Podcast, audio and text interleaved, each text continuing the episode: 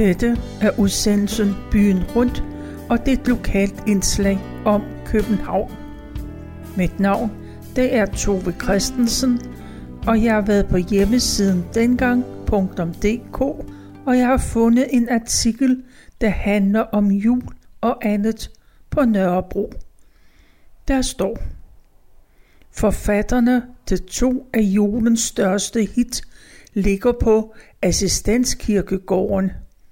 Vi taler om Peter Faber, der skrev Højt fra træets grønne top, og Johan Jakob Kro, der skrev Peters jul. Vi skal også høre om, hvordan københavnerne fejrede julen dengang. Og det her det er et udpluk af flere artikler, så noget af det er gentagelser fra andre udsendelser. Peter Faber var både digter, amatørfotograf og telegrafdirektør. Og blandt hans andre hit var sikke en voldsom trængsel og alarm, og dengang jeg drog afsted. Højt fra træets grønne top er skrevet til familien Fabers jul i 1847. Og næsten alle sangens personer har eksisteret i virkeligheden. Den eneste, der mangler, er Henrik, der skulle være Fenrik. Måske har det noget at gøre med de slesvigske krige. De første var udbrudt, da sangen udkom året efter. Det sjove er, at Faber havde en anden kendt melodi i tankerne, nemlig i en kælder sort som kul. Det var Hornemann, der skrev melodien, og det gjorde han også til et andet hit. Det var sangen Dengang jeg drog afsted.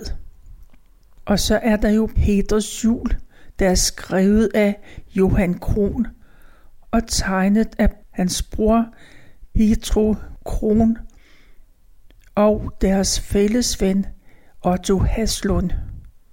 Bogen er en klassiker og fortæller om, hvordan man fejrer jul i borgerskabets København. Bogen udkom den 15. december 1866, og den beskriver den gode gamle jul. Kron var student fra Metropolitanskolen, og han bestyrede den meget ansete privatskole Krebsskole.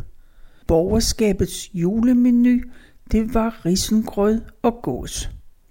Det var først i slutningen af 1800-tallet, at man begyndte at pakke gaverne ind. Skikken med julekort, det startede omkring 1888. Omkring 1930 var julen ved at blive kommersiel. Børnene skrev deres ønskeseddel via et varehuskatalog. Og så var der lige det med adventsgrænsen. Den første blev tændt i Sønderjylland i 1910, men først under 2. verdenskrig spredte den sig herhjemme. Julebukken, der indvandrede fra Sverige for omkring 200 år siden, er efterhånden forsvundet ud af traditionerne. Det første juletræ blev tændt på det sydsjællandske gods Holsteinsborg i 1808. Det første københavnske juletræ blev tændt i 1811 i Nykongensgade 221. Det var hos den unge doktor Martin Lehmann, der stammede fra Holsten. Traditionen stammer helt tilbage fra 14-1500 årene, hvor tyske håndværkslag holdt en slags juletræsfest. Og i Kolding blev det første juletræ tændt i 1822. Der troede folk, at der var ildebrand, da lysene blev tændt. Men det var først omkring 1. verdenskrig, så blev juletræet udbredt blandt almindelige mennesker. Før denne tid var det nærmest borgerskabet, der havde privilegium for juletræet. Der var langt fra alle, der havde råd til det træ, men man fandt på alternativer. Blandt andet brugte man kosteskafter som juletræ. Ugen før juleaften blev der pyntet op i stuerne. Der blev lavet stjerner af pap, lim og glimmer blev lagt på, og så blev der hængt op i loftet. Der var mange fra hjørne til hjørne, fra side til side blev der hængt girlander op. Kulørte papirstrimler udgjorde også en del af udsmykningene. Og på den tid kunne det være svært at skulle gå i skole, for det var så hyggeligt derhjemme. Men det var hårdt for mange på Nørrebro at skulle skaffe sig julemad. Når der ikke var råd til flæskesteg, så kunne man altid fange en and fra søerne. Det smagte nu ikke ret meget, nærmest af mudder. Dem, der havde råd til flæskesteg, fik den stegt hos bageren, og igen andre måtte nøjes med haresteg. Alt afhæng af, om man havde arbejde. Nogle var heldige, for de fik sendt pakker fra Jylland. I det kunne der være hjemmelavet leverpostej, sylte eller konfekt. Mange af pakkerne kom fra familier, hvor børnene havde været om sommeren. Og man glædede sig til at få lidt anderledes ting at spise. Normalt startede man dagen med øllebrød, spejesild eller rubusklumper med fedt på. I løbet af december begyndte der at komme juletræer på Blågårdsplads. Det var juletræshandlerne, der havde deres forskellige steder. De folk, der boede omkring pladsen, fik altid juletræ til den billigste pris. Dem, der så lidt finere ud i tøjet, måtte betale væsentligt mere. Det samme skete, når træerne skulle bæres ud til kunderne. Boede man nede ved søerne eller på Frederiksberg, måtte man betale det dobbelte. Og mange ventede til sidste øjeblik med at købe, så kunne man selv bestemme prisen. Og gaver blev der delt ud juleaften. Der var ikke så mange som i dag, men der var masser af knas. Selskabslejene de blev afviklet, og der blev afsluttet med kaffe og julekage.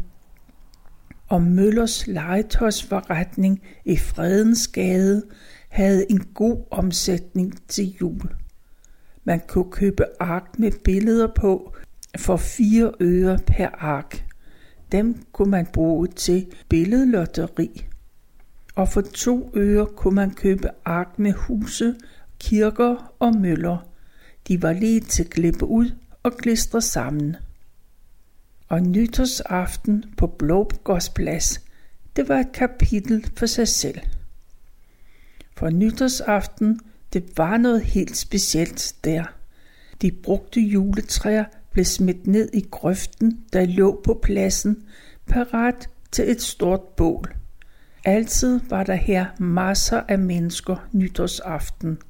Snart blev der tændt ild i træerne, men næsten inden det var helt begyndt, kunne man høre sirenerne fra fælledvejen. Politi og brandbiler var på vej. Traditionen var også, at vandstrålen fra brandvæsenet de blev rettet mod publikum. Og den næste dag lignede Blågårdsplads ikke sig selv. For der lå masser af knuste flasker, brugte fyrværkeri, nytårshatte og avispapir. Og på pladsen lå resterne af bålet, og man mødte berusede personer, der endnu ikke var nået hjem.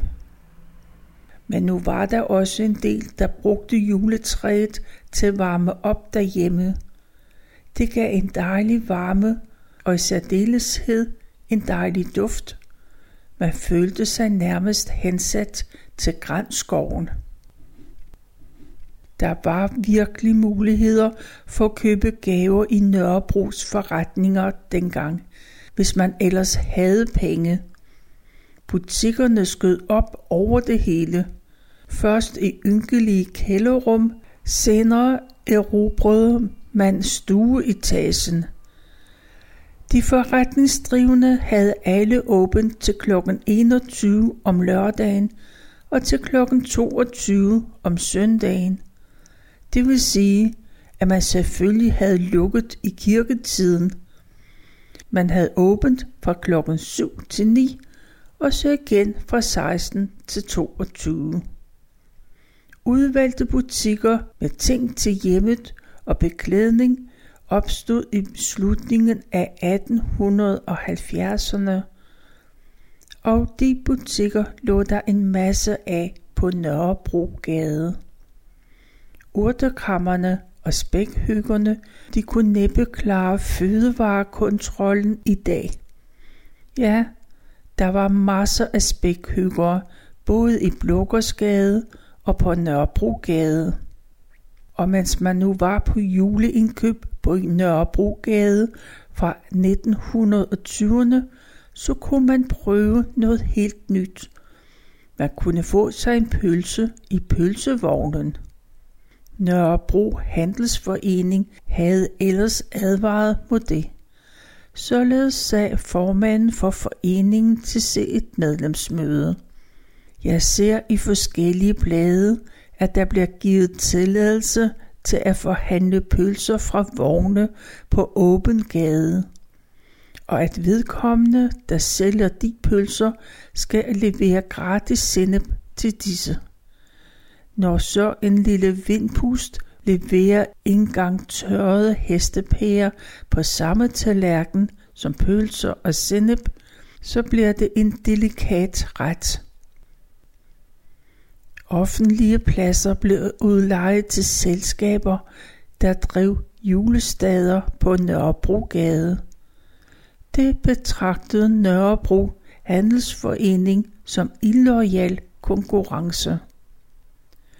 Masser af foreninger ville have rabat, når man handlede i butikkerne, blandt andet afholdsforeningerne og studerende men det kom ikke på tale, selvom det var jul.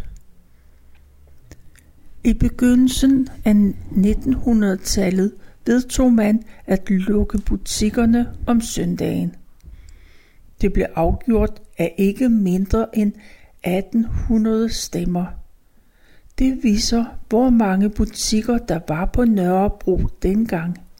Man skulle ikke tro det i dag men Nørrebrogade var landets største handelscentrum, og Nørrebro Handelsforening var absolut landets største handelsforening. Ja, sådan er det langt fra i dag. Fattigdommen var uhyggelig stor på Nørrebro. I Gartnergade var der gratis suppe og kød i sporvognsremisen – og de mest blege i solen fik vinterbespisning på skolerne. Når vinteren var kold, var der is på vinduet, så samlede man sig omkring kakkeloven i stuen.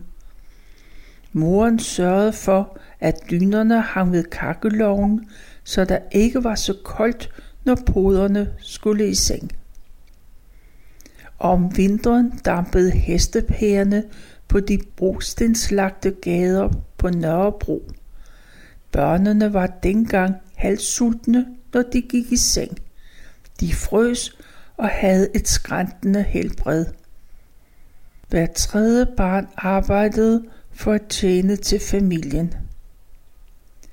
Mange fattige blev bespist af Nørrebro Bespisningsforening. Om de fik juleand, det vides ikke men på et tidspunkt fik 100 familier leveret 250 portioner mad af Jomfru Olsen på Solitudevej. Midlerne til dette fik man dels ved et medlemskontingent og for kredset, der med bidrag hjalp de fattige. Når der skulle spares op til jul, blev man nødt til at være kreativ. Når der var en, der var død i rabarberlandet, så kom en af de hellige fra Martha-hjemmet og besøgte lejligheden, og så fik man begravelseshjælp på 10 kroner. En dag blev der meddelt, at en mand oppe på tredje sal på hjørnet af Nordvestvej og Skyttegade var død. Liget lå på et bord med lagen over. Efter at søsteren havde nakket for herre med konen, lovede hun, at begravelseshjælpen snart kom. Og nede på gaden opdagede søsteren, at hun havde glemt paraplyen, så hun måtte op på tredje sal igen. Hvem der blev mest chokeret, da liget åbnede døren, det vides ikke. Man havde et begreb dengang, der blev kaldt for enepiger. Det var dem, der gjorde tjeneste hos de herskabelige familier i København og på Nørrebrogade. Det dækkede over en blanding af kogekone, stuepige, rengøringskone og børnepasser. Det var arbejdsdage fra klokken 6 til langt ud på aftenen. Fritiden begrænsede sig til hver anden søndag eftermiddag. Men netop om søndagen spillede masser af Nørrebros restauranter op til dans. Disse piger sov ofte på sofaen i stuen. Det var trods alt bedre end et uopvarmet kammer.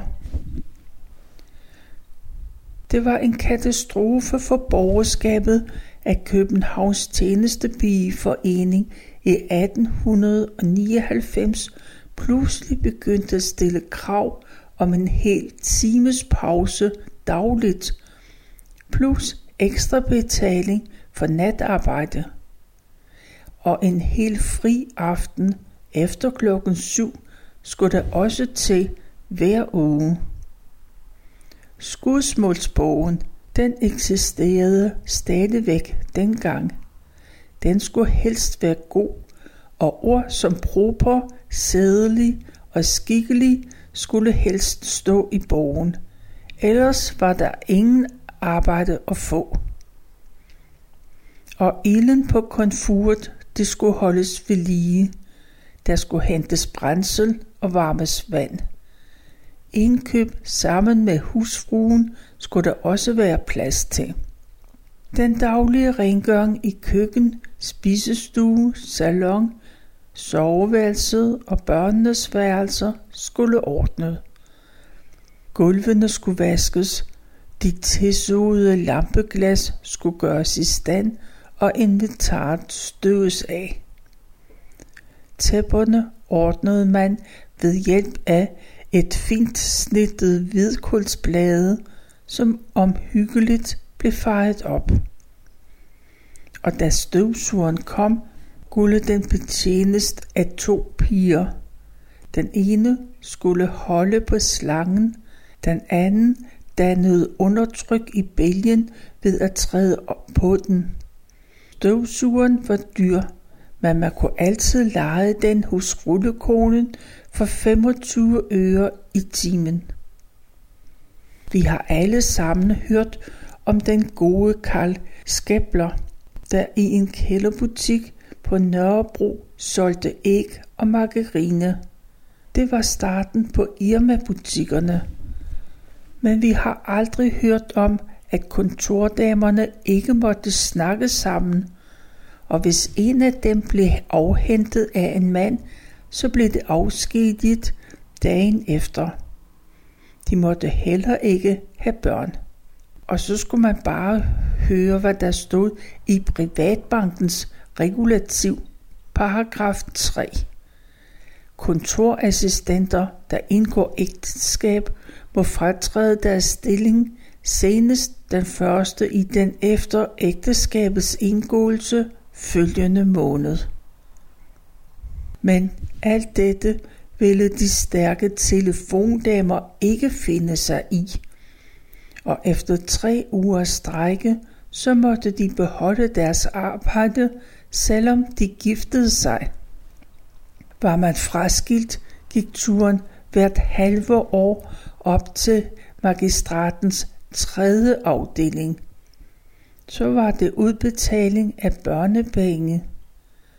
På en lang gang ude foran stod mødre med børn. De blev kaldt ind efter tur for at få udbetalt penge, men man skulle hver gang have skilsmissepapirerne med. Men så kunne man også risikere, at den tilsynsførende kom hjem uanmeldt. Man skulle se, om børnene var i god stand og ordentligt klædt. Ladegårdsåen var et yndet opholdssted for ungdommen på Nørrebro. Her badede man, og om vinteren var der is på åen. Og visse steder kunne man kælke fra bredden ud på søen via en slæde. Man kunne godt bruge et sillekasselåg eller en skoletaske. Her i Ladegårdsåen druknede tre fine damer efter at en karet var væltet ud i åen, og en bankrøver begik også selvmord ude i åen. Allerede i 1600-tallet talte man om forurening af Ladegårdsåen, og kongen påbød bønderne, at de skulle rense den. Det samme gentog sig i 1620. En masse heste og hunde og katte havde mange gange bevirket, at åens løb var blevet tilstoppet.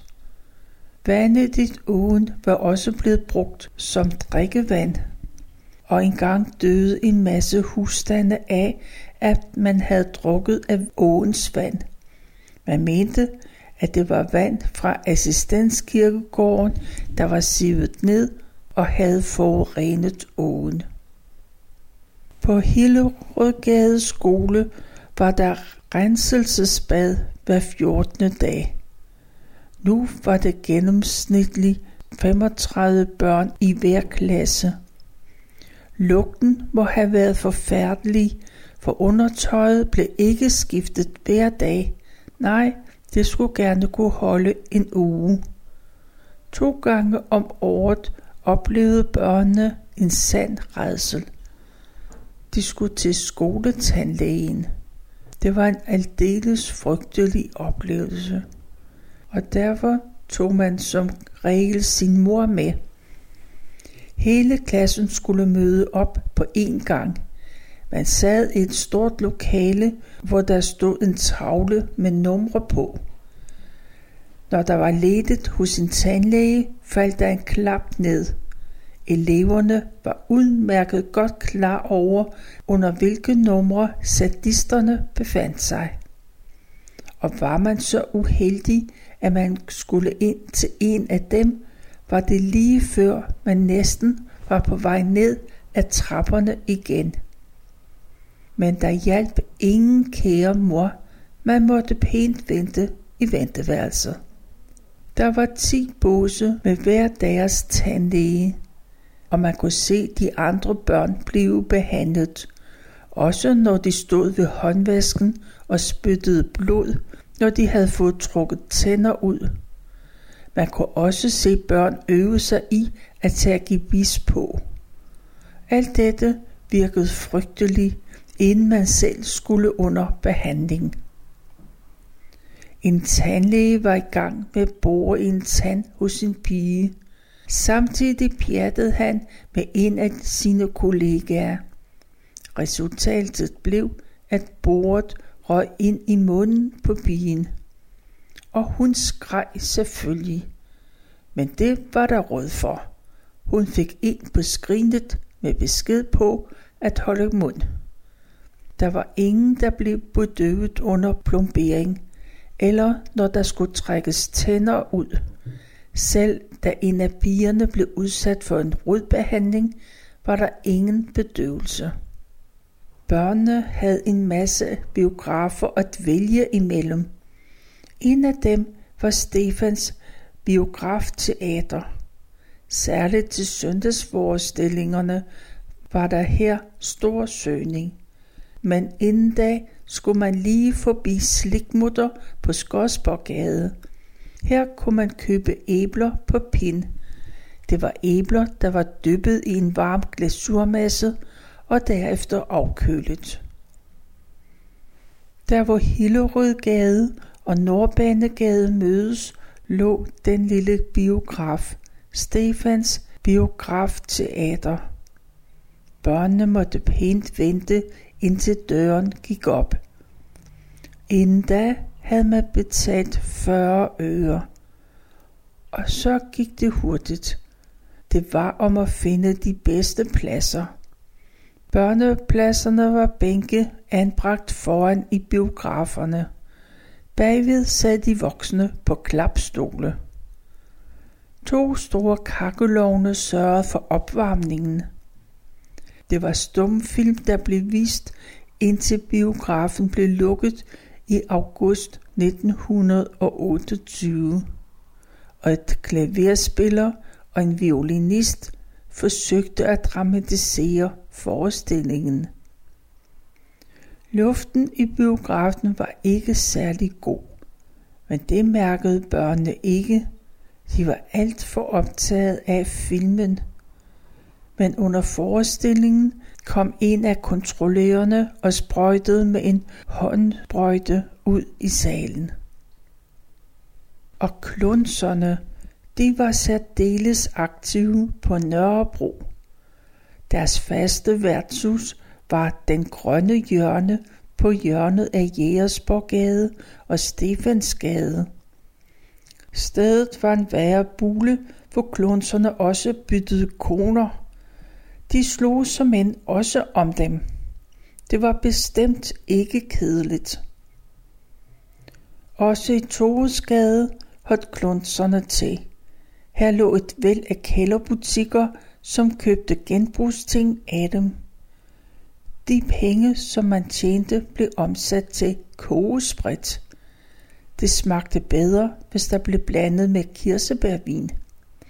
Det var ganske billigt dengang. Som regel blev der indtaget på Blågårds plads. Disse klonser var en naturlig del af kvarteret, og de blev også brugt som børnepassere. For det fik de som regel 10 eller 25 øre som også straks blev omsat til flydende kost. Disse klunser var de nederste på den sociale rangstige og rester af lærsøbøllerne. Fælledvejens politistation havde nok at se til. De var ikke helt uden humor, disse betjente. I 1930 brugte man et stort skrivepult. En af dem havde opbevaret en sixpence og et kranium. Da en anmelder engang dukkede op, blev han bag skrivepulten mødt af et kranium iført sixpence. Og så var der en mørk stemme, der spurgte, hvad kan jeg gøre for dem? Værre gik det for to unge mennesker, der havde opholdt sig foran kirkegårdsmuren på jagtvejen. Der havde de vist kysset lidt på hinanden. To betjente havde observeret det. Den ene betjent bevægede sig ind over kirkegårdsmuren, iført hvide handsker og havde bundet et hvidt lommetørklæde om det ene håndled. Derefter kravlede han op på et gravkalender. Umiddelbart ud for de unge par stak han den hvide arm ud over muren og sagde med hul røst, kan vi få ro til at sove vores sidste søvn? Der fortælles, at det unge par brølede af redsel og spænede væk i panik, og det var det store morskab for betjentene og et postbud, der havde overværet morskaben og således sænkede julefreden sig atter over Nørrebro. Og det her er, hvad jeg har valgt at fortælle fra en artikel, der er på hjemmesiden dengang.dk.